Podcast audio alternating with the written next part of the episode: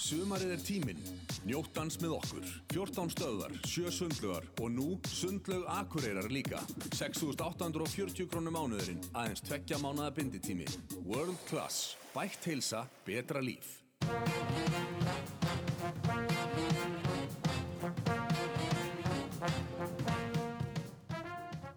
Það er leiðin út, þáttur nummið þrjú, velkomin.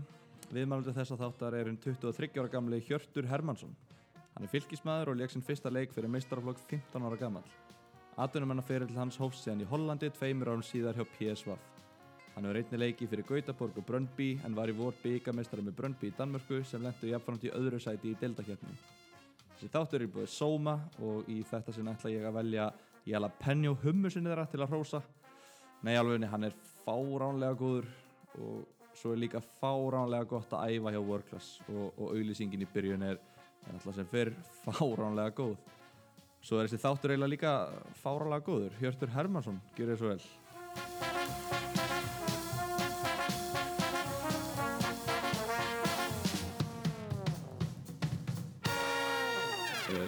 Varstu alltaf bestur?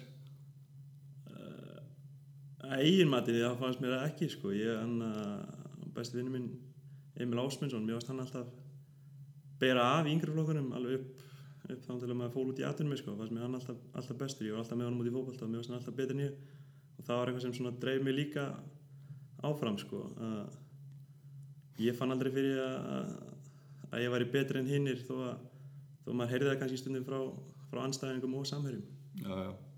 Já, ég meit Emil Ásmundsson, það var svona þið tveir allavega, held ég, klárlega bárið af svona meiri hlutan af, af þessum yngri flokkum. Fannstu eitthvað, já, og segja, dreyða þig mikið áfram að verða betri en hann? Já, ég held að það hefur bara drifið okkur báða áfram að vera betri en hvort annar. Uh, eins og ég segi, mér fannst eins og að vera betri en ég sagði hann aldrei. Já. Ég held ég hef aldrei sagt við hann fyrir en kannski bara sent og síðan mér að mér fannst hann alltaf betri en ég. Og það kannski hjálpa okkur þegar við fórum út í fótballtaskilur alltaf eftir skóla eða fyriræfingu, eftiræfingu að þá vorum við alltaf að vinna í einhverju. Uh, hvort sem það var markvist eða ekki. Við vorum mikið fyrir að æfa báðalappir og, aukaspunur og eitthvað svona vittlisir sem er við vorum ekki alveg að gera sama hlutin og, og aðri gerðu að fara út í bara í rasso og gera ekkert meira Nei, nei. við pæltum aðeins meira hlutunum svona frekar snemma En þetta var meira svona, þið voru mikið saman að æfa þá, þetta var ekki eitthvað svona Messi og Ronaldo rífur í árbænum. nei, alls ekki sko ekki eins og á, á þessu level líklega Valur fannar Gilvi Einar sko eitthvað, eitthvað meira í, þátúrin sko, við vorum ekki svo hátt stendir. Nei, nei. Já, byrjum bara kannski í þessum all, allra yngstu flokkum af því að ég man náttúrulega lengra aftur í tíma með þig heldur en kannski aðra viðmælendur. Og líka þetta er mjög skrítin spurning þannig að fínt að rumpinu bara af strax hérna, ég, svona, ég var að ræða aðeins um þig við nokkra félagar mína sem að æfði með þér og, og hérna, við mundum margir eftir því hvað, hérna, hvað þú svitnaðir ótrúlega mikið á æfingu bara í sjöndaflokki alveg það mikið að það vakti aðtegla okkar allra og við gáttum allir reyfið þetta bara, já, djöðlan ógislega sveittur alltaf í sjöndaflokki þannig að hérna, og, við fórum svolítið að mæla okkar æfingar út frá því hversu mikið við svitnum samanbúrið við þig. Þetta er mjög skrítið og störglega heimt í fyrsta skipti. En hérna, mér langar að teikja þetta svolítið við svona vinnuframlag og, og, og dugnað. Hefur það bara verið alltaf í eðliðinu að leggja það mikið fram eða fannst þér þetta vera, er, er þetta eitthvað sem er alið upp í þér? Fyrsta lagi, geggjur spurning og að þakka fyrir hana. Uh, eitthvað sem ég hef ekki tekið eftir en eitthvað sem ég hefur bent á áður að alltaf bara frá að ég var líl strákur og svitnaði mig mikið. Ég veit ekki hvort að það sé tengt vinnuframleginu en það ég held að þú getur líka alveg uh, jánka við því að ég var alltaf mjög dulur og, og, og það er kannski mitt aðalsmerki sem fótbolltamaður að ég, ég legg mig alltaf tölvöld meira framheldur en anstæðingi til þess að í, yngri flokkum. En alltaf þegar maður er komin núna þess að hæra level náttúrulega er allir að gefa bara allt sitt í þetta. Ég get alveg satt mér reynið saman sko að- að að ég var alveg ég ætlaði mér það mjög snemma og, og ætlaði ekki að ætlaði að gefa mig fram okkur einu stæðingu og, og það leti kannski til þess að ég svitnaði svona svakalega mikið. Ég veit ekki hvað, hvað kom undan hvort það sé eitthvað genalegt en, en já, hvort sé alveg upp í mér ekki ég, ég veit það ekki, mér finnst það bara frekar eðlislegt þú ert ekki að segja þér að, að leggja þér fram á einhverjum? Nei, nei, pappi kom ekkert að berja mig eitthvað, þú er að fara að leggja þig meira fram það var mjög rólegt bæði heimilishald og náttúrulega bróður minn sjálfur í fótbolta og þannig að maður bara reyndi að gera hitt besta hverju einstaklega var kannski bara aðeins of gjarn á það að reyna að vera bestur. Já, já. Já, þú ert svona, þú og Emil, bestir í, í yngreflokkarum, þú með mikið vinnuframlag og, og, hérna, og mjög duglegur bara frá unga aldri, svona, þér eðlislægt að vera það. Þetta er svolítið góð spil sem þú fegst á hendi. Eru, hérna, blasir þetta við þér þannig að, að hérna, já, að þú hefur svona hitta jackpot, einhvern veginn? uh, já og ég verð bara vikina ég, uh, ég er mjög heppinn með, með bæði fóreldra og, og, bakland og náttúrulega komandi upp í fylki á þessum tíma að fylki var bara geggja félag í yngri flokkunum á þessum tímapunkti. Þetta var bara, við höfum svo mikið af góðum fótboltamönnum á þessum tíma fyrir yngri flokka sko. Við bárum alveg af, við völdum yfir anstæðinga þannig að komandi upp á þessum tíma með, eins og við segir, Emil hann bar líka af að vera ekki svona eitthvað einn yfir bara bestur að einhvern til svona metast við og, og bæta sér sem bara hjálpaði held ég okkur báðum til að vera betri og vonandi flerum, ég vona að þú það líka bætti og Það voru nú reyndar þó nokkuð að fylgismennu sem skilur sér í meistaraflokk svona með að við hvað gengur og gerist allavega í árbanum þannig að þetta var, segja, þetta var mjög góður árgangur og já, sem að var að standa sér rosalega vel á, á mótum og svona heila bara vallt yfir anstæðingana allavega upp sjömanaboltan uh, hvað áhrif finnst þér að hafa haft á þig sem knastbundumann að vera í svona góðu umhverfi fattaru? finnst þér að skipta miklu máli að vera góða, í góðu liði eða heldur að þú hefðir geta feta sömu, sömu slóðir í lélöru liði. Það er alltaf voðalega mikið ef og hefði og mikið spekulasjónu en sko ég held að ef maður komið upp í, ég veit það ekki sorry, val eða eitthvað á þessum tímapunkti að þeir voru ekki mjög góður í yngri Þannig á þeim tíma þá var það bara gamalt hverfi og eitthvað svona ekki mikið ungu stráku sem, sem voru efnilegir að, að það er bara ómögulegt að segja skilu, hvort ég hef voruð sami leikmann ég held ekki í þessu umhverfi eh, að það var bara snild að, það var alltaf það var vorum snemma að koma með gerfigræs sem var alltaf læg, ekkert spes skilur maður gætur út í fótbolta eða allan á þessi ring og, og draga allar þess að stráka með sér svona ekkert alltaf stórt hverfi þannig að mér þess að ég einu mentanum í Ártúns Holtinu gæti alveg dreigði strák út í selásnum með mér í fótbolta og mæst einhvers staðar í miðin í árbarum það bara, ég held að það hafi gert mikið fyrir mann mm -hmm. Gerfingar sem kom er það ekki bara við, við byrjum að Jú, í áttunda eða sjöndaflokki Jú, jú, við eigum allavega ég, ég, ég byrjaði tölvöld ungur ég Já.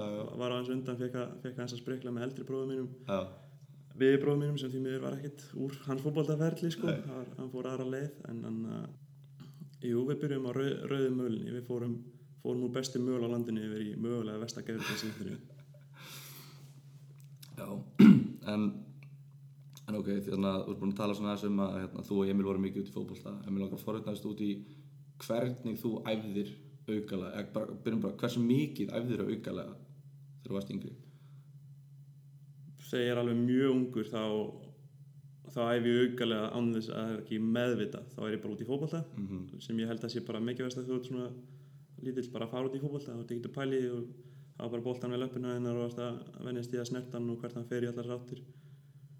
en síðan, svona síðan með þegar maður fyrir að nálgast skilur 11 manna boltan svona 70, 50 flokkur líklega 50 flokkur yngra og eldra ár þá er ég fyrir svona freka markvist að bæta mér í hlutum sem að mér er bent að bæta mér í bæði frá pappa mínum og, og bróður og, og eitthvað frá þjálfara. Ég var mjög heppin að hafa Jón Steindor það er ekki margir að mínum mati sem eru jafn, svona skilvirkir í yngri flokkunum að hann áttaði sig á því að sumir þurfti bara að fara út að leika sér og á meðan aðrir voru kannski komin aðeins lengra og vildi fá að vita aðeins meira um fótbolta og mér fannst það standi sér alveg ótrúlega vel í því hlutverki. En já, ég, ég var mjög mikið út í fótbolta alveg ótrúlega mikið.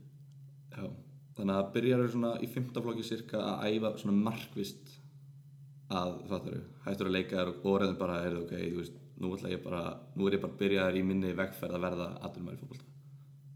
Eh, bara já og nei ég byrja mark, markvist að æfa mig í hlutum sem ég, mér langar að vera betri í. Ég byrja að sparka tölvöld meira með vinstri ég, ég vil vera jafnbjúr á lappinnar skilur fer, fer að æfa langa bolta, stutta bolta skilur að æfa með lítil mörg og eitthvað svona. En á sama tíma þá var ég líka að drífa strákan út í skilur rassó og millimót og veit ég hvað og hvað það var bara skilur þetta var svona blanda báðu þegar, maður, þegar allir hinn voru fannir heima og kannski þá sparkaði aðeins meira með vinstri skilju tíu svona marki að reynda eitt að slána eða eitthvað ég í hvað og og síðan gæti ég að fara heim sáttur. Já, já. Ég man man eftir hérna, við vorum saman í bekk, ég og þú, í, í áttunda upp í tíunda bekk og hérna, man eftir einu sem bara opnaði augun fyrir mér hvað varst að leggja á þig einhvern veginn, að við vorum saman í bekk eins og, eins og segi og einhvern tíma var skólinn búinn, bara einhvern þriðdægin eða eitthvað. Og ég og félagið minn sem sagt, erum eitthvað að spjalla aðeins og svo fyrir við að rölda bara heim úr skólanum. Við erum kannski tíu mínútur eftir í skólanum og löpum heim og sagt, það er skólinn og svo á milli heimilis okkar og skólans er fylgisheimilið þannig að við þurfum að lappa fram hjá fylgisheimilið til að komast heim til okkar og við erum bara að dóla okkur eitthvað og hérna erum að lappa fram hjá fylgishöllinni sjáum við ekki einn Hermansson mættan á völlin búinn að stilla upp keilum og er að gera fótavinu á einhverju bara beint eftir skóla í, þetta var í 8. eða 9. bekk ég er að reyna að ná úr þér hvað þú varst að gera mikið því ég og, og félagið minn, við höfum sama draum og þú á þessum tíma með að verða aðdurumenn en þetta, ég finnst þetta bara sína svo mikið bara svona basic dæmi um hvað þú varst mörgum levelum fyrir ofan að elda drauminn heldur en við sem fórum svo bara heim í, í fútbolmanager og ætlum að æfa taktísku liðina þar skilju að þetta virkaði fyrir mér allavega eins og þú værir bara í 20 klukkutíma á dag að gera allt fattar varstu, varstu að sækja bara var þetta bara þannig að þú varst að sækja fróðuleik út um allt og, og varst bara, ég ætla bara að gera allt? Já, ég kem eiginlega bara aftur að því að, fylgir á þessum tíma uh, var náttúrulega bara snild. Uh, eins og segi, Jón Stendur var, var frábær, Kári og Kjarri voru geggjaðir og síðan alveg upp í meistaraflokki, Lóli Þóra voru hann að maður snerti á svona ótrúlega mörgum hliðum. Maður fekk skilju frá Óla Þóra mjög snemma yngri flokkun skilju að maður var að fara að koma upp með meistaraflokk einhvern tímann á þessum árum og halda árum að leggja sér fram og, og hitta þetta. Kjari Steff með svona tæknilegu hliðina vinna í skiluru maðurinn hvati myndi þess að fara í ballett. Ég held sér ekki margir fókbaltaþjálfara sem, sem hvetja skiluru stráki fjóraflokk, þriðaflokk að fara í ballett bara til þess að halda uppi fínreifingum fórstu? ekki á einn tímpúti, ég fór, fór, fór setna mér Kári bara winner mentality Mhm. 100% og Jón Stendur svona blanda af öllu einhvern og þetta var svona, þetta var sem þú nefnir þetta með hann að nefnir þetta með fótavinæðinguna það var náttúrulega bara eitthvað glænýtt á Íslandi á þeim tíma. Já, já, og maður var nýbúin að læra þetta eitthvað frá, frá Gunnar Guðmunds í 17. landsliðinu að fótavinnur er bara alveg- hún er ký, þannig að jú, ég skilu eins og segja, allir þessi gæjar voru geggjaðir í einhverju og, og, og ég lærði það mjög snemma að að hlusta á hvert sem er og taka eitthvað frá þeim, það sem þú vilt, það sem þú getur notað þér en síðan rest blokkað brúti það hjálpar ekki, blokkað út. Varst þú að meta það sjálfur? Bara, nei, ég trúi þessu ekki ég ætla ekki að hlusta þetta. Varst það fylgtar alveg sjálfur eða varstu mikið að ræða við einhverja svona þér reyndari menn kannski, heyrðu, hann var að segja þetta er eitthvað til í því, heldur Jú, ég leitaði til allra þess að gæja skilu ef ég fekk eitthvað frá eitthvað með öðrum þeir ég var líka stundum í morgum, mörgum flokkum á sama tíma. Þannig að ef einhver í 15 flokki sagði eitthvað við mig og spurði fjóraflokksteflan hvort það verði rétt eða öfugt. Mm. og svona þannig, ég hafði bara mjög marga góði í kringum mig. Og eins og ég sagði, líka pappi minn og, og, og bróðir sem hafði fetið sem er spór að maður hafi gott bak, bakland. Já, komum kannski aðeins nánar en það uh, eftir smá. En einmitt þetta með að, að sko, hlusta á eitthvað og, og annað ekki. Ég, hérna, ég hleraði aðeins uh, kjartan sem var með okkur í þriðaflokki um hérna sko, því það er eitt að greina leikmenn frá þeim sem að verða aldrei neitt og svo þá sem að munu skila sér upp í meistaraflokk en svo er annað að greina sko, þá sem að fara upp í meistaraflokk og þá sem fara sér út í aturmennsku og það er kannski auðveldar að, að finna munin á þessum fyrirnefnda hópi en ef þú tekur, sko, ég spurði hvernig sérðu gaurana sem fara alla leið í þessu og gaurana sem að spila í Pepsi-tildinni eða Inkasso og hann talaði mjög um að, að hérna, munurinn og með Hjört og aðra er Hjörtur hlustaði ég gætt bent honum á að heyrðu Hjörtur, þú þurft að gera þetta. Og hann sagði bara, já, ég veit. Og á næstu æfingu var hann fara að gera. Þannig að hérna, finnst þér það hafa verið mikilvægara heldur en annað eða er þetta allt, allt að vinna saman? Hérna er bara klálega alltaf að vinna saman en, en, en, en, en það hjálpar náttúrulega mikið bara að að vera nóg klár til þess að átta sig á því sjálfur hvað, hvað þú þarfst að bæta. Og ef einhverju að benda þér á það þá er það mjög líklega eitthvað sem þú þarfst að bæta eða vinna í eða hætta. Það er líka alls konar hluti sem að einhverja venjur eða vanar eða eitthvað sem þú þarfst að minka en, en alltaf að halda samt í þinn eigin skilu persónleika á vellinum að, að, að hafa allir sína leið til þess að gera þetta og, og það er alveg miljónar uh, mismandi leiðir að, skilur við, við erum búin að nefna Emil oft að, við fórum klálega mismandi leið út í atvinnmennsku og, og það er ekki ein, ein rétt leið til þess að gera þetta. Nei, nei, nei. Uh, Þá er svona, þá held ég að ég sé búin að rifja upp svona mína sögur. Þannig að nú hérna, okkur komið þér. Hérna, já, mér langar líka að pæla með, hérna, að þú varst að segja, þú varst að æfa þig með vinstur og varst að æfa þig mikið í svona tekníru hliðum, en varstu líka að æfa það í leikjum sem þú varst að spila? Veist, fannst það mikilvægt að æfa það líka í leikjum eða varstu á æfingasvæðinu að gera þetta og svo í leikjum varstu bara, ég ætla að passa mig bara að gera ekki mistök í leikjum eða hvernig varstu með það? Ég var ég var mikill fullkomna sinni þegar ég var yngri, ég vildi alltaf að þetta sé alveg og er ábyggilega eitthvað enn en, en hefur aðeins lagast á að ég vildi ekki bara gera neinn mistök. Mm uh, en síðan svona ég aðalega æfiði mig mjög mikið á vellinum æfingavellinum. Síðan skiljaðum eins og ég fór út í fótbolt einhvern tíðan með, með krökkum í skólanum mínum sko, í ártúnskóla sem ég var vorum fjóri strákar og skilju 20 stelpur og alltaf strákar með stelpum þess að ég ákvað bara að ég ætla bara að spila hann leik bara með vinstri. -hmm. Og gera það sama, kannski ég fór út í rass og á meðan aðri voru bara að reyna að vinna og ég fór. Bara, ég ætla bara að nota vinstri. Já, gera alls svona, svona hluti og ómeðvitað og bara fór það inn í leiki mín skilur að það var ekkert eitthvað meðvitað ég fór ekki inn í leik skilur í Íslandsmóti sem krakki skilur og núna sagði ég bara herri ég ætla að taka þetta bara skilur með vinstri út þetta. Er, er sagt skilur þetta er saying að slaka á ég ætla bara að taka þetta með vinstri. Já, já, já.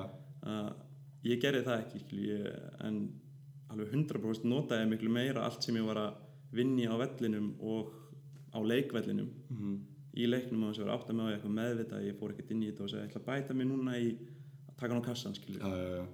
ég bara fór inn í þetta, ég ætla að spila eins vel og ég get og gerðist alls konar hlutir leikurum bara þannig að fótbolti, hann þróast í einhver átt hann tekur í einhver átt. Og þú ert að bregðast við. Það er mitt vakti, það vakti svo mikla aðtökli hjá okkur, okkur nokkur strákunum að hérna, í leikjum varstu bara þú veist, þú varst að spila hafsend og varst bara að gefa yfir á hinn hafsendin, bara basic sending, en þú notaði vinstri í það.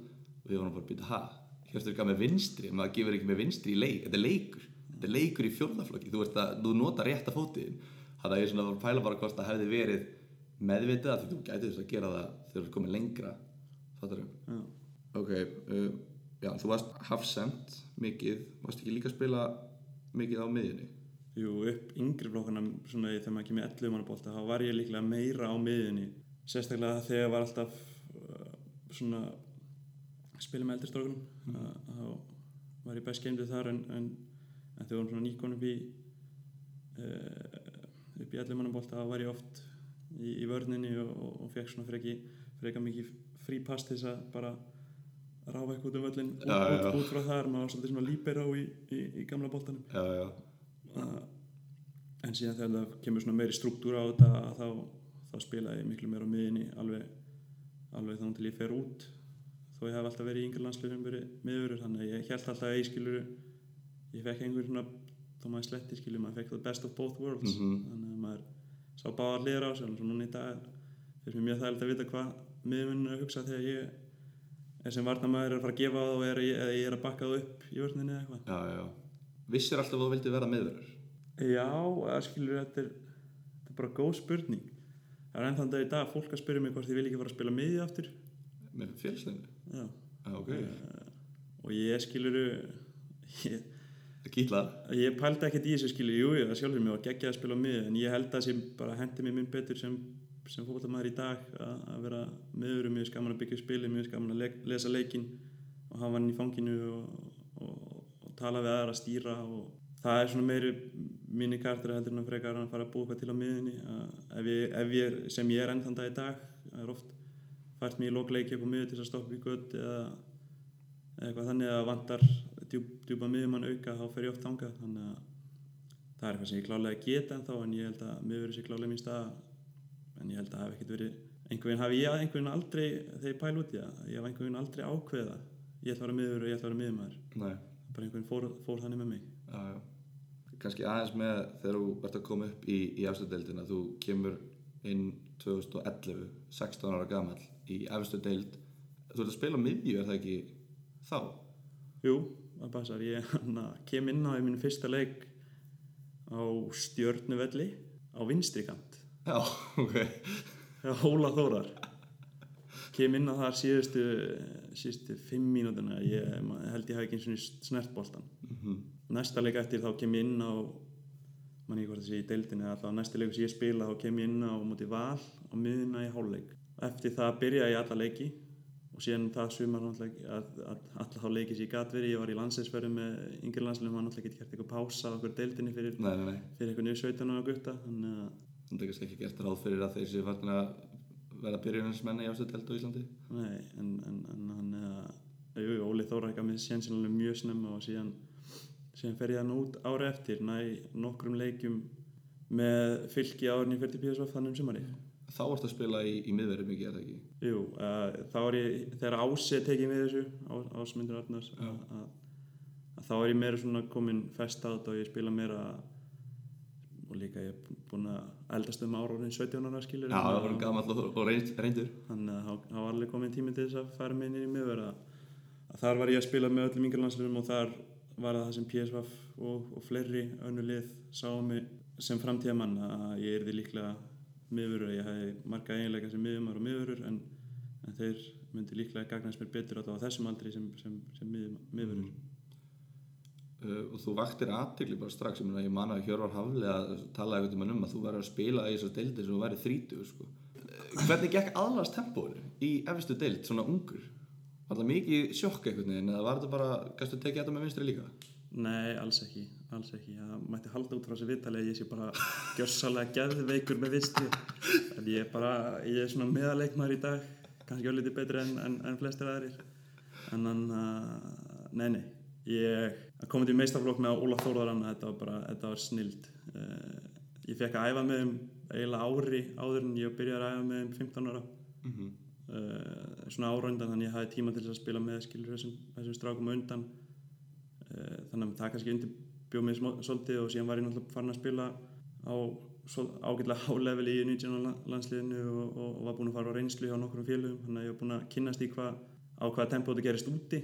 Þannig að hjálpaði mér klálega þegar ég kom upp í efstu deild hér en jú, jú, alveg á, ábyggilega stóðið mig fínt en, en, en ég held ég ekki verið eins og einhver ég, eins og einhver stjarnar sko að, að þetta var bara, maður fekk að gera sínar að það var held ég besta við þetta maður var með Óla Þóra, svona alvöru no-nonsense guy en einhvern var með miklu svona meiri hlið á sér að ég fekk bara að gera mín mistök ef ég lærða þeim. Og, og ég er ótrúlega þakkláttur fyrir, fyrir Óla á þessum tímabúti, ég held að hann sé þó hann hafi í raun og veru lítið gert með hvern, hvernig ég kom upp í mistraflokk öll árin þar á undan, hann kom ekki inn í klubin fyrir eitthvað stöttu áður en, en hann har klálega gaf mér breakthrough sem ég þurfti og, og trösti í það að fá að spila með skilju strákurinn sum sem voru að koma heim úr aturmennsku eins og Gilvi Einars og okkur svona og, og öðrum strákur sem voru á leið í aturmennsku eins og Andrés Már og eitthvað það voru, voru hellinga strákumanna sem voru maður bara lærði he- helling á að fá að spila með fullvaksnum kallmennum þegar maður var 15, 16, 17 ára Og þannig fylgir bara að lenda í þriðasæti í deildinni, þeir eru bara í Evropabaratu og jafnvel að banka á, á að berjast um Íslandsmyndstartitilinn þegar þú ert að koma upp, eða ekki? Jú, árið árin ég kemur þá held ég að sé að, nei, tveimur árum ég kemur í meistarflokk þá, þá endur við í þriðasetti árið eftir bara svona típist fylgisísón við erum bara í miðri miða deild með ungt og gott lið Mm -hmm. og síðan kannski í síðasta sísoni þá, þá erum við með David Eilibert og og, og við hefum ekki sérstætt sísón þó hann sé frábær gæði Já, já. Fyrir það kannski aðeins út í ferli við að fara út. Uh, þú ferð eitthvað á reynslu, ert eitthvað svona að skoða. Þú ferð meðal hans til Asi Mílan á reynslu. Já, Hvernig, hérna, hvernig var það? það var lífsreynsla, það var mjög gaman hann náttúrulega kom hérna Asi Milan skóli til Íslands var upp í, var upp í fylki og það sem bara hverjum smiður gáttu skráða sig þetta var ekkert eitthvað bara exklusív fyrir, fylkis, fyrir fylkismenn og það var náttúrulega bara snilt að, að hafa þjálfara sem voru, ég held að að þjálfa við 15 ára liði það með eitthvað svona. Þetta voru svo gæjar sem voru mjög einbettir á grunn og, og svona og var að kenna manni bara að maður fekk nýja víta margar hluti að fara til þeirra og síðan í, í kjölfarið þá ákveður að, bjóða núna þess að bjóða tveim ungum strákum til sín og það var ég og Oliver. Við fórum til þeirra á reynslu að ég held tvísvarsinum viku í senn bæ, bæði skipti ef ekki lengra sko og, fá bara að, að með þeim var, var mjög var mjög merkileg lífseinsla þetta var náttúrulega ótrúlega stórt fyrir manni að fara til já, nákvæmlega. en síðan á endanum einhvern var þetta mun minna, allavega í- minni reynslu mun minna innbúnaðandi heldur en ég bjóst við að maður er búin að gera sér risastórar auksjónur um hvað hva þessi Mílan væri en síðan var þetta bara svolítið gamall rótin klúpur allavega yngri flokkunum Já, ok. að, að þeir voru bara einhverju léliru verra heldur en okkar gerfigrassi að æfa og voru síðan fengu ekkert að fara á gras sem var náttúrulega bara herfileg hugmynd fyrir, fyrir okkur grasperrin á Íslandi. Já, já, bara, við erum svo kýr og vorin þegar, þegar, þegar maður sér gras. Þannig að jú, jú, það var náttúrulega bara snild að sjá hvernig þeir líka fyrir mig sem varnamann sem tíma, hvernig þeir voru að verjast og maður, ég lærið helling af hverju öðru, öðru dóti af þeim en, en bara rosalega þakkláttu fyrir bæði skóla þeirra og líka fyrir að fara út til þeirra og merkileg lífseinslega að fara á, fara á svona liðshótel. Það var bara þetta var bara heil bygging sem var bara bara akademíuleikmannu á þeim ekki einn maður tala ensku. Maður vaknaði skilur og maður vanur að fá havragraut og eitthvað góðan og merkilegan morgumat hér. Röldi nýra á morgnan og það sem þú fegst var skilur var sko svart kaffi og eitt croissant. Lítið croissant og þá var þeir bara ánæður og byrjuði daginn. Menn ég fór bara svangur aðeins og gæti ekki neitt á morgunæðingun og mætti ekki fyrir eftir hátti já, já. En langaði þeir samt að fara þangað? Eða var þetta svolítið bara að prófa að þetta var stór klúpur og bara að, sjá þetta? Náttúrulega, mann er langa alveg ógeðslega mikið sérstaklega þegar maður heyrði skilur að vera að bjóða mig til AC Milan reynslu, maður er alveg bara Meina, Þú ert 15 ára þarna sko, maður er bara örgla með stjörnir í augunum. Já, já, það er alveg klálega maður, þetta var alveg sérstaklega fyrsta skiptið þannig, maður var bara eiginlega starstrött og maður var eiginlega bara að sjá ljósastöður Já, já, já. Býtu, vá, er ljósastöðurinn hér svona? þetta var alveg bara magna ég fer til AC Milan þá og hafði farið til Redding þá var allt öðruvísi nálgun bara svona allir í heimahúsi, allir með einhverja fjölskylda hugsun um sig þú veist bara að sparka langt og hátt og Já, þá varstu bestur. Og síðan fyrir þarna skilu og, og þetta verjast alveg ótrúlega mikið og, og, og síðan kannski einn argetinu gæi sem er bara langt bestur og skilu er 16 ára og komið tattoo allstaðar og, og reykir á milli aðeinga en hann kemst upp með hann og hann er bara yfir bara bestur. Þetta var alveg mjög svona tveir mismöndi heimar sem maður fekk að kynnast. En, en í gegnum það að fá svona fara á nokkra staði þá átti að maður á sig að, að ég vildi ekki fara til AC Milan sem, sem ungu leikmaður, það var ekki staðurinn til að byrja. Já, já. Þetta kannski sýnir svona já, mjög mismundi aðstæður. Hversu miklu máli skipta þær þú ert að velja lið til að fara út til? Náttúrulega bara í mínu tilfelli rosalega mikið. Og það ég náttúrulega er þess eðus aðnjótandi að eins og ekki margir aðrir að, að bróður minn fetaði mjög svipaða leið. Að hann var mjög snemma verulega efnilegur, líklega efnilegur en ég sjálfur. Og, og fer út á reynsli á meðal annars Borussia Dortmund og eitthvað svona og enda sína, enda sína Englandi því að England er náttúrulega bara draumur okkar allra hérna heim á Íslandi uh, og, og fer til Ipswich. Maður fekk svona svona ákynast í ég er náttúrulega líka hann er 6 ára meðlinni hann er ég er ekki maður 9-10 ára þegar hann er þarna og maður átt að sé kannski öllu. En síðan síðan mér þegar maður komið sjálfur 6 árum setna í sömu spór að að hafa bæði hann til að tala við og líka bara í þínum eigin hugarheimi hvað þú uh, upplifir frá hans reynslu að að hann spilaði klálega mikið inn í. Já. Hvað var svona, svona helst sem þú gast tekið úr hans reynslu með þér inn í þinn svona fyrir í stuttimáli sagt ekki fara til Englands ungur. Það var mín reynsla. Það Já. var það sem ég tók út úr þessu að voru einhver lið fleiri en Redding og eitthvað sem var spurust fyrir. Ég ákvað alltaf reyndist alltaf mörgum íslendingum á þessum tíma eins og Gilvi að Gilvi var nýbúin að vera þannig að Gilvi var þannig þegar ég var á reynslu. Já, þá var hann skilur að verða aðal kallinn og þeir alltaf voru mjög dölur að bjóða Íslandingum til sín.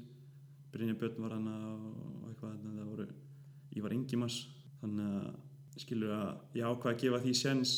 Mm en ég var klálega litaður af því eftir þá veru að bróður minn hafi farið ánga og það ekki gengið upp. Skilur hann mjög erfitt að alhæfa en bara mín reynsla þegar ég var að gangi í gegnum nákvæmlega sumu hlutina hugsaði með mér þetta gekk ekki á bróður minnum og ég ætla að fara mér einleið algjörlega. Þetta er kannski svona einmitt, þú getur ekki verið að alhafa þetta en þetta er svona pínu kannski sorg að sagða hvernig fór fyrir hans ferli líka bara óöfni með meðsli líka og, og allt það. En hérna, einmitt, þú fær bara einn feril, þú fær bara einu sinni að fara út í atvinnmennsku í fyrsta skipti og það er það ekki rosalega krúsal hvernig fer úr fyrstu dölunni Jú, mér, mér fannst það líka alveg ótrúlega mikilvægt að, ég ætlaði að vanda mitt fyrsta skref uh, og eins og ég sagði að maður, kannski, maður á ekki alhæfi og svona en, en mér finnst það í lagi mínu tilfelli að, ég hugsaði svona og ég er alls ekki að segja fyrir unga strákar sem er að fara út núna til Englands í fyrsta skipti að það er ekkert vitlu skilju Gilvið Þór hefur gert þetta Jói byrjaði Jói Berg hann byrjaði ungur í, í, í Englandi ára hann kom heiminn í blika og fór sín aftur út þannig að, að það er vel hægt en, en í mínu tilfelli sérstaklega fyrir mig sem fótballtamann á þessum tíma ég var tölver stærri en jafnaldra mínir ég var uh, ég var kannski aðeins meiri durgur ég var búinn að genalegur genalegt fórskátt var eitthvað að ég var, var komið með eitthvað á mig þannig að mér fannst bara ég sett til að freka mjög snemma stefnuna á Holland mér langaði að fara út til Hollands og bæta mig í alls konar svona þáttum sem ég hafði ekki verið bestur í á Íslandi. Ég var kannski ekki bestur að bera upp boltan, ég var ekki bestur í að senda frá mér bara byggja upp spilið og, og á svona alþjóðlegu mælikvara annars og ég hafi reynd það í, í yngirlæðsunum ég var bara svona frekar ágættur í en, en þegar maður fór að spila á móti betri þjóðunum þá var maður að sá maður bara já, þetta er eitthvað sem ég, ég, þarf að bæta í ef ég ætla að ná lengur á mínu ferli. Já. Ertu þá meira að hugsa þannig að þú vilt jafna út gallana eða ertu, ertu mikið að leggja áherslu á það í staðan fyrir kannski að vera með 2-3 kosti og algjörlega hámarka þá hefðir ekki getið farið til Englands og verið bara nota bara durgin í þér í Englandi bara neglaboltanum burt og orðið flottur þar, fattar við Já, ég, eh, skilju, ég held uh, ég held að ég hef ekki orðið sérstaklega þannig leikmaður. Nei, ok, Ég held að ég hefði orðið miðlungsleikmaður mögulega í, í neðri deildum erlendis eða bara komið inn heim einhvers staðar og orðið að spila. Út af því að ég er ekki mjög hávaksinn sérstaklega ekki á ennskan mæli nei. ég, ég er rétt undir 1.90 ég hef ekki, ekki verið að geta neina þess að skalla bolta á móti einhverjum en, en ég held að núna að, að það sé miklu betra fyrir mig að lesa leikinn heldur en að ég sé að búlja anstæðingin frekar átsmartan. Þannig að þetta var kannski ekki mikið eitthvað svona ég er lélegur í þessu, ég þarf að fara að hinga til að vera ekki áfram lélegur í þessu, þetta var kannski meira þannig að þú sást potential í ákveðnum þáttum við þinn leik sem þú gast klárlega bætt og það var kannski bestu aðstæðarnar í Hollandi að gera það. Já, algjörlega og, og samtína við það að, að náttúrulega Holland hefur á sér bara gott orðið verið að vera bara fótbolta akademi, dælir útgóðum fótboltamunum og, og maður held kannski að það væri styrsta leiðin í, í aðli að, að það var líka klálega faktor sem reiknaði inn í Hefur þið getað valið á milli PSV og Asset Alkmaar þegar þú fórst út? Já, það voru Fleiri? Já, það voru einhver fleiri lið í Hollandi ég hef líka getað að fara til Feyenoord og, og ég hef getað að fara á reynslu hjá, hjá Ajax en, en bara eftir ég fótt í PSV uh, og fannst það svona bara klúpur sem hendaði mér vel.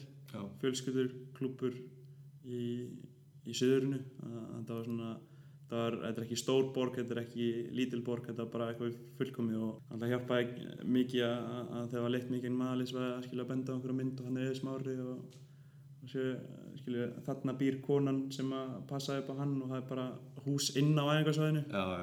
Fyrir það sem að horta á, á þættinu á hann. Það var bara svolítið merkilega tími hann á PSV að, að, að þetta var það er ekki marg sem vita en þetta held ég skilju alveg svo klúbhúsi það en það er bara búið að ganga niður í þrjár generation er ekki meira að, að bara sama fólki þetta er bara skilju þú kannski elst upp með einni dótturinu og síðan er hún fann að passa næstu leikmenn sko. þannig að það er svolítið skemmtilegt að því. Þú, þú ferð út í júli 2012, þá ertu 17 ára gammal. Uh, maður er svo að tekið eftir því að það er svona basic einhvern veginn að, ma að margir eru að fara út beint eftir grunnskóla. Það er kannski með 8. bekking, 9. bekking, 10. bekking sem er efnilegur tilbúin að fara út en það er alltaf þetta að ég ætla að klára grunnskólan fyrst. Er ykkur ástæð fyrir því að þú fórst árið signa út? Já, það er hellinga ástæðan fyrir því að Því þú hefði klárlega getað farið út beint eftir þetta ekki? Jú, jú, þá, þá var hellinga kostin sem, sem, sem, sem voru í bóðið þá og ég var mjög nált í að fara til, til annars liðis á Ítalíu áður en ég Nafn? Já, ég var eðskilur og, og strákanir í, í fylki mjög nálægt í, ég var bara mjög nálægt í að fara til Lazio Já. sami umbóð, umbóðsmaður sem hafi séð mig hjá, hjá bæði í komina til Íslands með AC Milan skólanum og, og síðan hafi séð mig á reynslu hjá, hjá AC Milan, hann vildi gjarnan fara mig og ég kom mjög langt og mamma mín var með þess að fara hann að skoða kokkaskóli í Róm. Já, ok. þannig að það, jú, jú, það var helling af skilur einhverjum tækifærum. Sérstaklega þetta var bara góðsend tíð fyrir, fyrir unga íslenska leikmenn að fara út. Og mm allir að fara vilt og gali út um alla Evrópu. En það ótrúlega góður árgang, árgangur og, og, og margir árgangur í kring. En svona helsta ástæðan var bara að ég var ekki búin að finna það sem ég vildi gera. Að ég vildi, var ekki búin að finna þá tengingu við eitthvað lið sem ég vildi virkilega fara til kannski fyrir utan já. En hvað var þá til að þú fórst ekki þangað? Eh, það var svona frekar furðulega nálgun hjá þeim að, að- að ég baði um að fá að klára tímabili með fylki áður en ég myndi koma út til þeirra ég myndi bara ganga út uh, ganga frá mínum málum um sumari og síðan fá að klára tímabili með fylki mitt fyrsta tímabil þeir tók ekki í það, það væri bara ekki var ekki séns að annarkvært kemur núna eða aldrei og, og eftir að pælt mikið í þessu með, með mörgum þá sögðu bara aldrei ég ætla að fá að klára mitt tímabil með, með fylki og, og, og síðan þá fer ég bara eitthvað annað. Var þetta þá meira kannski eitthvað svona barátta um, fattur var þetta eitthvað svona, eitthvað svona eða, þú veist, fyrir mér þá allavega lítur þetta, veist, að klára tímabil með fylki og þú ert, ertu byrjar að spila það, ertu ekki meira að segja á bekknum, Nei, þá er ég að spila með að þá er ég byrjað að spila, þetta er setni helmingu sísasvins 2011 þegar ég er að spila allt flesta leiki og ég, mér fannst það bara mikið að vera að klára að fá að spila með þessum strákum út tímabili. Já, ok, það var mín fyrsta reynsla af aðlisfókbalta og hann, uh, ég vildi bara nýta hana.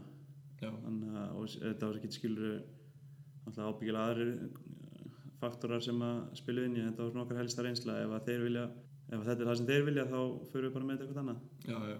Þú vissir alltaf að þú fengir, fattur, varst ekki eitthvað, að maður er svo ótrúlega ungur, þú ert 16 ára, verður aldrei óþröfullur eitthvað, á ég mista þessu, hvað kemur næst, hvenær kemur það, fattur Jú, jú, mér, mér langaði alveg á þessum tímpúti mikið að fara út. En síðan eftir á hekki núna er ég alveg ótrúlega þakklóti fyrir það að hafa klára fyrsta ári í Vestló. Mm. að fara í hanga að kýrst hensta hellinga fólki mínum bestu vinnum í dag uh, er allir úr Vestló. Uh, og líka það bara til dæmis að ekki margir sem vita að ég hefði átt að fara að að ég fór til PSV desember 2011 það er þá sem að ég geng frá að fara til PSV og fara til þeirra í janúarglögunum en þeir skilja inn pappirum á villum tíma. Já, ok, og uh, sem endur á því ég fer í, í raun og veru á lán til fylgis já, út tíumbilið já. fram að, fram að þannig sumaglögunum já, þannig að ég, ég var í raun samningsbundin PSV og, og kláraði þessa nokkra leiki með fylgi áður en ég áður en ég fyrir sín endal út um sumari já, já. Að það var líka aldrei- rosalega mikið þægindi í því að geta bara að það var af og frá og síðan bara síðasta halva ári í, í Vestló, þess að frá janúar fram að sumagluga þá var ég bara í einbjöndum mér á mínum skóla og, og skilja að standa mér sem best í, í fylki og ég þurfti ekki að pæla mér í að hvert ætla ég að fara. Ég var búin að ákveða hvert ég ætla að fara. Og svo, var, já, svo þegar þú kemur út var teiknað upp eitthvað svona plan með þér hvað þeir vildu gera við þig sem leikmann eða var þetta, hvernig byrjaði þetta svona úti Jú, það skilju þeir ennlega Hollandir bara pumpar út leikmunum og ég fór til til hann uh, út til þess að bæta mig og, og þeir voru strax skiljum að var strax tekinn okkur fund það sem var bara svona byrta eitthvað skema fyrir fram að það sem bara svona fyll, fyllt út í hellinga boxum skilju pluss mínus í skilju tækni, taktík, mental alls konar skilju alveg að það var líka fyrst skil sem að maður átti að segja að mental þátturinn væri komin inn. Mm að, og að búið að skrifa ykkur skilju skátingskíslu um mig og, og, og síðan bara þróa út frá því hvað, hvað ætlum að gera með, með mig sem fótballtamann og þú byrjar að byrjar að æfa með undir 19 ára liðinu eða? Já, undir stjórn Filip í, Ah, sem, sem er núna aðlistjálfari hjá þeim. Að, að maður fekk að kynast honum áður en hann tók við aðlinu og hvernig var þetta svona að vinna sig upp í, í aðaliðið það var bara ógislega erfitt. Miklu erfiðar heldur en maður hafi gert sig grein fyrir að, ég kom þann út skilur og báðir hafsendanir hjá, hjá liðinu voru sko að starta hjá U17 og U19 landsliðinu þeirra. Og maður var einhvern svona í barðið þá og síðan var þriðji miðurinn, ég enda einhvern veginn á að vera fjórði miður fyrsta ári út af því að þriðji miðurinn var eitthvað wonder kid sem að endaði síðan að vera seldi til Ajax þegar hann er 17 ára sem bara gerist ekki í PSV Ajax já, já. Uh, og síðan ári eftir það er hann fann að spila með Ali Ajax og síðan er hann fann til Wolfsburg Mm. Uh, en samt skil þetta var, þetta var mjög þungur róður í byrjun alveg rosalega þungur hvað það var að ég spila eða bara svona æfingaleiki og eitthvað svona en síðan síðan, síðan mér þegar maður uh, kom í varli bara út af aldrinum ekki út af að maður var svona geggjaður að, að þá fór maður að spila fyrir alvöru bara eða alla leiki og já, ég bara, þetta var klárlega mjög erfitt í byrjun en, en, en maður náði einhvern veginn að vinna sér inn í þetta. Uh, varstu mikið einhvern veginn varstu að reyna að sanna þig rosalega mikið eða varstu að passa þig að vera bara á þínu striki einhvern veginn og vera ekki að fara eitthvað út fyrir þinn karakter til að vinna þig inn í liðið? Uh, bæði sko. Að ég aðeinsfari á vildi ég bara gera mitt besta og, og, og reyna að vera svo leikmaði sem ég er og var en, en á þessum tíma held ég að vera klálega verið litaðar af því líka að hvað þeir hinni voru að gera og hvað, hvað þeir voru góður í og maður reyndi kannski svona aðeins meira að ég er alveg betur en hessi gæi í það sem hann er bestur í skilu, og reyndi að fara að gera eitthvað það sem var ekki alveg, var ekki alveg mitt mm -hmm. og, og maður lærði líka hellinga á því en þetta var bara allt öðru sér fókbalti þetta var, var ætlast af mér til þess að, til þess að vera bara að reykja boltan upp að vítategi andstæðingarna og, og, og græða aukamann. Það var alltaf vera að segja með græða aukamann og hlaupan á miðina sem var kannski alveg sem bara varnamöður, mjög, mjög mikla varnahugsun á þessum tíma, mm -hmm. ég vildi ekkert eitthvað skilja eftir galopið í, í vörninu þegar það var engin að fara að bakka upp. Já, já. það var bara þannig þú áttir enga vinn í liðinu. Þetta var bara einhvern sérstaklega þessum tíma að, að bestu vinninir í liðinu þeir voru ekkert að spila. Og það hinnir gæðinir eða voru að spila mót, eða keppast um stöður eða voru bara innægila á sama tíma þá varstu alltaf í stöður í samkjöfni við gæðan hliðnaður Já, finnur þið fyrir því inn á vellum er þetta svolítið kallt bara svona veist, er eitthvað svolítið sama um varaliðið að þið erum of mikið að pæla eða of mikið, er þið mikið að pæla í bara ég, ég, ég ég ætla að komast upp í aðalið komandi frá Íslandi þá var ég voðalega mikið lið mm -hmm. en maður sá það alveg mjög snemma að restin var alls ekki að hugsa um þetta Já, og maður svona reyndi það er kannski það sem ég reyndi mest að hugsa eins meira um sjálf mig. Það gekk ekki sérstaklega vel. Og það, þá var ég ekkert góður. Ég er miklu betur þegar liðir liðir kringum mig gott. Og góðir saman. Ekki Mhm. endilega bara góði leikmenn og það var klálega góði leikmenn en það gekk ekki sem skildi til næst hjá okkur í varleistildinu og núna er bara þetta lið, ég held að þetta sé allt vinir núna vonandi ég, eða skilur með hvað ég heyri. Já, að varleislið núna í, í næsta þessu deildi er bara valdi við skilu Albert getur svara fyrir það ábyggilega að ég veit alltaf til þess að hanna er bara einhverja fjóra bestu vinni sína í úr varlegin en á þessum tíma hanna þetta var svona transitions moment hjá PSV þá voru engir ungi leikmenn að fá séns þau voru bara að kaupa, kaupa, kaupa. Mm og síðan eftir það núna er búið að fara að streyma svolítið vel og, og, og dulið inn í ali ok, þú hvað, hvað tekur um mörg, tekur þrjú eða fjögur tímabil með varaliðinu sem þú vorst að spila cirka Já, fjögur fjögur tímabil held ég að þetta sé eða fjögur ár allavega þrjú og hálft tímabil ég held ég fari á mínu fjórða ári á fyrir ég á lánu til Gautaborgar Já. Um, og, og svona þegar þú ert, ert að spila með varaliðinu varst að, varst að svona reyna að riðja þig inn í, í aðaliðið þú varst í ja, þrjú og hálft ár að reyna það. Hvernig hérna ég svolítið að pæla með þólinmæði og svona og hvenar er komið gott og hvenar það maður að fara að halda ára slóðir og svona hvernig var það svona að berjast í huganum þínum í gegnum þetta tímanbíl uh, mikið, náttúrulega í gegnum mikið að ég reyfa, reyfa mér eitthvað í hnið uh, þegar ég var í svona var fann að nálgast aðli en það er alls ekki ástæðan fyrir ég kemst ekki aðli að mér finnst en ég var mjög óheppinn hvað var að ég mittist tvisvar á sama tíma í lók tíðanbyrst þegar svona ungi leikmennin fara að fá sjens Já, tvö orði röð, einn fyrst nýja á mér, síðan fyrir mjama að gera árun eftir. Uh, það er náttúrulega að spila eitthvað inn í uh, að ég komst aldrei ég komst nálat aðliðinu, ég var aða með en síðan komst ég aldrei nær heldur en það. Já, já, ég var bara alveg saman hvað ég stóð mig vel hjá félagsliði eða landsliði að þá var ég bara á sama stað og eftir að hafa verið þar í tvö ár síðustu tvö ári mín að, og náttúrulega þetta geggja moment að koma upp hjá, hjá alansliðinu að verðum að fara á stórmót já. að þá hugsaði mér núna verð ég að fara að breyða til Hvernig vinnur í andlega þættinum í gegnum svona tímabili? Ertu mikið að vinna í andlega þættinum?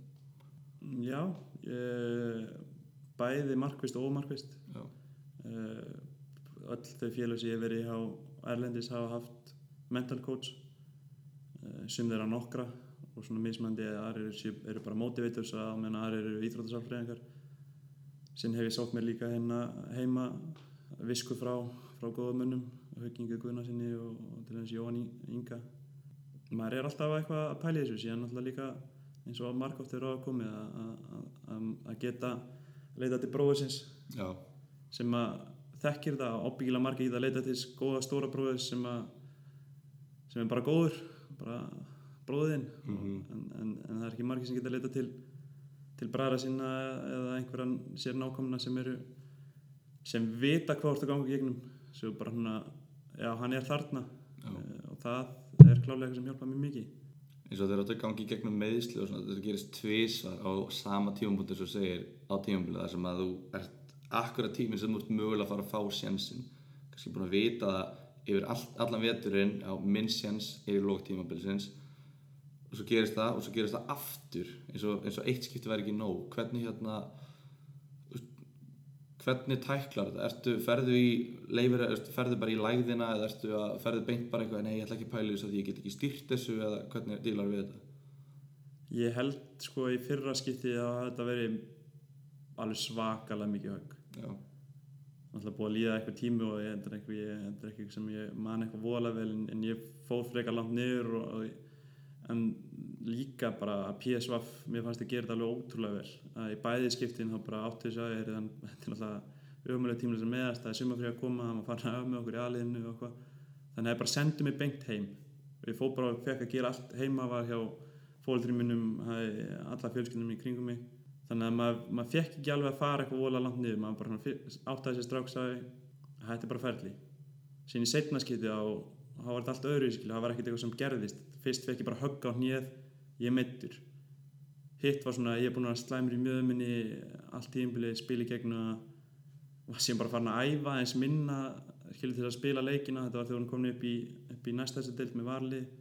Þannig að ég þurfti skilja bara að fá mér verkeftöfli fyrir leik og síðan spila. Síðan kannski fá að sleppa einhvern daginn eftir frí daginn eftir, æfing miðvikudag.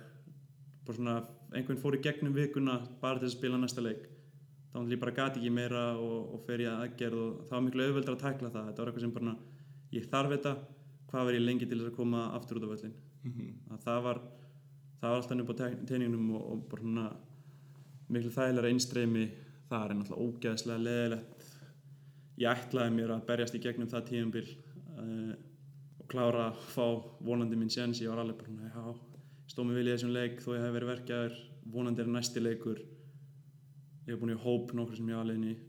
Núna, núna næsti leikur þá þarf ég bara að býta á jakslinn og fá að spila með alveg og þá er ég bara búin að meika en síðan bara gæti ég ekki meir og, og, og fór ég aðgerð og, og þakka Guði fyrir það á hverjum degi í dag að ég, að ég er ekki verkjaður í mjöðminni eða neitt og, get spila minn leik. Kannski full ungur líka til að vera að fara að sprauta þig gegnum einhver sásauka er þetta ekki eitthvað meira sem að maður gerir ef maður er 35 ára og Jú, jú, mér bara langa þetta svo ótrúlega algjörlega mjög skiljanlegt sko.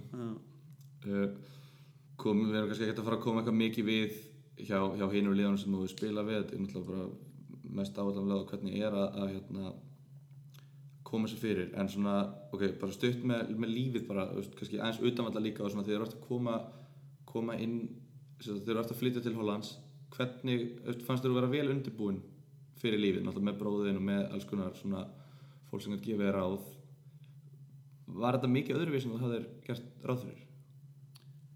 Nei, ekki svo mikið, út af því að ég er náttúrulega líka að það verður að koma fram eitthvað sem hefur ekki komið á það fram að, að ég á líka, ég er oft nefn pappa minn og, og bróðir eitthvað sem ég takkar rosalega mikið fyrir að geta að tala við að, kannski einhvers ég tala ekki alveg mikið um fótbolta en, en, en, en á líklega bara stærri þátt í því að mér vegnaði vel erlendis hinga til, bara fínt að hann að hún móður minn, hún flytti með mér út til, til Hollands og, og, auðvildaði lífið alveg verulega mikið fyrsta ári við læriðum að því þegar, að, þegar hann bróðum í Björnari fór út að hann á- átti erfitt og, og markið átti erfitt með að búa bara inn á einhverju fjölskyldu og fá að sjá fjölskyldinu bara 2-3 ári. Uh, hann fór einn.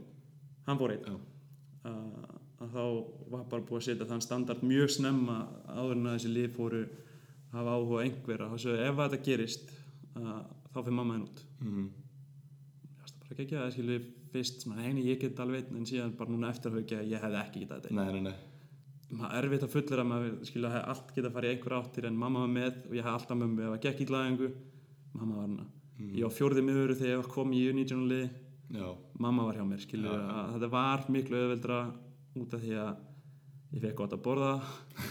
Það var þrifið að mér ég fekk að sofa í friði skilju ég var ekki eitthvað að asnast sem var kannski heldur í mínu eðli langt fram að nótt en, nei, nei. en ég hafði bara ekki möguleikan í það. Ég, ég hefði getað farið eitthvað annað sem ég var aldrei en maður veit aldrei. Ef ég farið einn og ég veit ekkert hvað hefði gerst. Já. Fann hún eitthvað góðan kokkaskóla þá í, í Eindhoven? Nei, hún, hún, hún treystist bara á, á neti og uppskriði þar, hún fór einhvern káfaskóla en fór á ljósmyndan já, þannig að hún hafði eitthvað að gera hún hafði eitthvað að gera. Já. En hérna já, ok, þá kannski svona aðeins, aðeins bara til að bera saman eins og með Gautaborg og Bröndby sem þú hefur líka náttúrulega spila fyrir eftir í Bröndby núna? Uh, er mikill munur á svona þegar komin út og er búin að venjast í að vera aturumæður er mikill munur á þessu hjá mismundi liðum í mismundi löndum eða er þetta svolítið bara svona sama rútínu alltaf? Uh, mjög svipur rútína aðalega bara svona menningamunur uh, til dæmis milli Hollands og Danmörkur Svíð og Danmörk líkara en svona bara og líka bara hvernig klúburinn er. Það er svona mismöndi klúbar að Gautaborg er sigursætt klúbur Brömbi líka, alveg svakalega svona hist histórikli mjög sigursætt einn verkamannaklúbur hinn ekki skiluru að það er hel, helsti munin en, en þú kemur bara inn í klefa í aturmannli allavega á Skandinavíu og þá held ég sé flest bara mjög að, það þekki allir sín hlutverk og bara ganga beint í verks. Að þú ert búin að vera nokkur ári í þessu. Að sjálfsög kom einhver ungi strákar sem er ennþá eftir að læra þetta hvernig þetta virkar en uh, ekki að segja þessi einhver eld, eldgammal leikmaður en maður er búin að vera í þessu einhver tíma og skilur maður veit hvernig er að fara inn í þetta. Maður er ennþá að læra alveg 100% hvernig maður funkarar í klefa og hvernig maður funkarar innan sem utanvallar í, í þeim hlutverku sem maður hefur. En, en, en já, ég held að helstu munu líki bara í því. Já, það aðeins bara út í markmiðasetningu svona í lokin. Hvernig, hvernig setur þú þér markmið sem leikmaður? ég held að það er bara ótrúlega mörg markmið fyrir sjálf mig Já. Eh, stutt þess að eitthvað sem er stutt í eitthvað sem ég get bara markvist bætt 1, 2 og 3 eða gert það á eina við mánuði eða tveimur og önnu sem náðu yfir lengri tíma Ertu þá alltaf að setja þér þessi stuttum markmið og bara klára það og þá bara ok, næstu markmið nú ætla ég að vera ennþá betri í þessu en nú ætla ég að fara að fókusra á þetta Já, ég skilju að það er alltaf átt af einhverjum nýjum hlutum sem að getur gert það þarf ekki endilega að vera í kringu að það getur tengt námi eða eitthvað og, mm uh, alveg svo ég er með, með námsli markmið og ég er með fótboltalega markmið og ég er með markmið sem kærasti og ég er með markmið sem alls konar að, ég held sem mikilvægt að, að setja bara markmið sem já, allt öll þeir hlutverk sem þú hefur. Já, Uh, jú, ég, skil, ég er ekkert eitthvað vilt og galið að eldast við að, tikki þau, þetta hefur svona aðeins blörrast eftir því að ég hef verið lengur í þessu, þetta var miklu skýra og bara svona ég verð, ég verð, ég verð. Mhm. en núna er þetta bara svona meira sjálfsög verður maður að gera hellinga hlutum en, en þetta er líka svona vonandi ger ég þetta og bara markmiðið mitt er bara að vera eins góður og ég get í, í flest öllu sem ég legg fyrir mér hendur. Er það meira svona, þú veist, ertu að setja, eh, setja þessi markmið til þess að er þetta svona til að minna haus að koma þessu í undir meðutundun einhvern veginn að fara að gera hlutina? Alveg ábyggilega, ekki, ekki markvist en já, alveg, alveg 100% það er eitthvað sem ég skrifaði niður og annað sem, sem bara liðið með mér sem ég er bak við þeirra. Já, já. Ég svolítið að pæla í þessu bara svona sem fótboltum að setja þessi markmið af því að þín örlög ráðast svo mikið á skoðunum annara að hvernig það er, þú veist hvort maður geti eitthvað verið að setja sér uh, niðurstöðu markmið sem leikmaður. Já, það er náttúrulega erfitt að setja eins og, eins og það kom fram að ég var náttúrulega góðlið það er erfitt að setja, ég ætla að vera Íslandsmeistari eða orðið bara í, í lögu liði en, en þú getur alltaf settið markmið eh, sem snúa sjálfu þér eh, að vera betri í alls konar, alls konar þáttum. En, en já, kannski sem ungulegmar ég segi klálega fyrir, fyrir yngri leikmenn að setja þessi markmið en ekki, ekki að festast í þeim. Það er erfitt eins og fyrir þig að þú komið út og markmið hefði verið að komast í aðaliðið það markmið er svona þetta er náttúrulega draumurinn þetta er náttúrulega markmiðið að komast í aðaliðið Mm. þetta, þetta, er, þetta er svona við tölum bara um markmiðsetningu það var svo erfitt að komast þangað því að það, það byggist svo mikið á einhver sem þú stýrir ekki sjálfur. Já.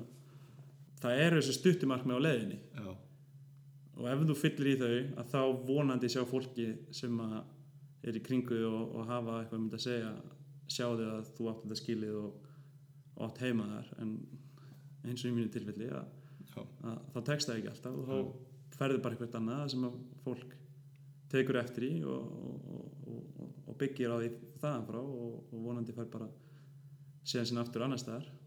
Um, hver myndir þú segja að væri svona þín gildi sem leikmaður? Bara trúi ég að hafa geimt vestu spurninguna þá til síðan sko ég byrjaði náttúrulega umræðar spurningu líka sko. Já, þannig að þetta er besta spurning sem þú fær frá einhverjum blagamanni eða viðmælandi eða viniðinu með einhverju skilu hver ert þú? uh, erfitt að lýsa í, í orðum ég er vinnusamur, ég vil ekki gera ég vil alltaf gera mitt besta uh, ég reyni mitt besta að, að gera það mistaka löst en það er ekki hægt sem fótboltamæður og ég er búin að átta mig á því sem ég gerði kannski alveg þegar ég var yngri að að það skiptir ekki máli mistekið sem þú gerir svo lengi sem þú læri frá þeim. Að átta sig á því uh, að það er bara partur að að vera betri alveg saman þú hvort þú er 23 ára eða 29 ára ég held að þú setja alltaf að fara að gera mistök. Mm uh, já og bara skilur reyna að gefa inn í liði eins og ég sagði, ég er mjög liðsmaður ég vil vera í góðu liði mjög skott að hafa góðu kringum mig skott að sem yfir að, stýra inn í leikin og það maður sér svima hluti sem aðri sjá ekki já. er þetta svona eitthvað svona sem þú vildir heyra? Ég náttúrulega bara veit ekkert hvernig það er að vera góður í fótbolta. Ég held, ég held að ef ég væri aðtunum í fótbolta þá væri ég örugglega með eitthvað gildi sem ég væri alltaf að vinna. Bara, já, ég er hérna, alltaf að þetta og þetta, þannig að þú voru kannski líka áttað að því að við sem erum hinum ef við borðum að spörja, við vitum ekkert hvernig þetta er. Við höldum að þetta sé svona að menn lifa á gildum en þið þurfum bara að halda áfram að, að tala um hvað þetta er umhverju spurning og að lokum þá, náið þið át um þessari spurning, En mér fannst þetta voða, þetta var svo spurning sem ég langar rosalega mikið að fá svari við þegar ég var pælið sko. Þetta er, ekki bara alveg einfalt og að setja powerpoint svona dugnaður. Styrkur. Þetta Ekki, ekki virðing, ánægja, ábyrð og, og hitt, ég maður ekki hvað þetta er. nei, Nei, ekki alveg mikið. Hérna, þurfum að klippa enda þetta náttúrulega á hjörtur Jæja. Þetta er svo leiðir hérna, við nennir ekkert að vera eitthvað, þetta er svo kl- ó- Hjörtur Hermansson, takk kærlega fyrir spjallið. Er þakka þér. Búm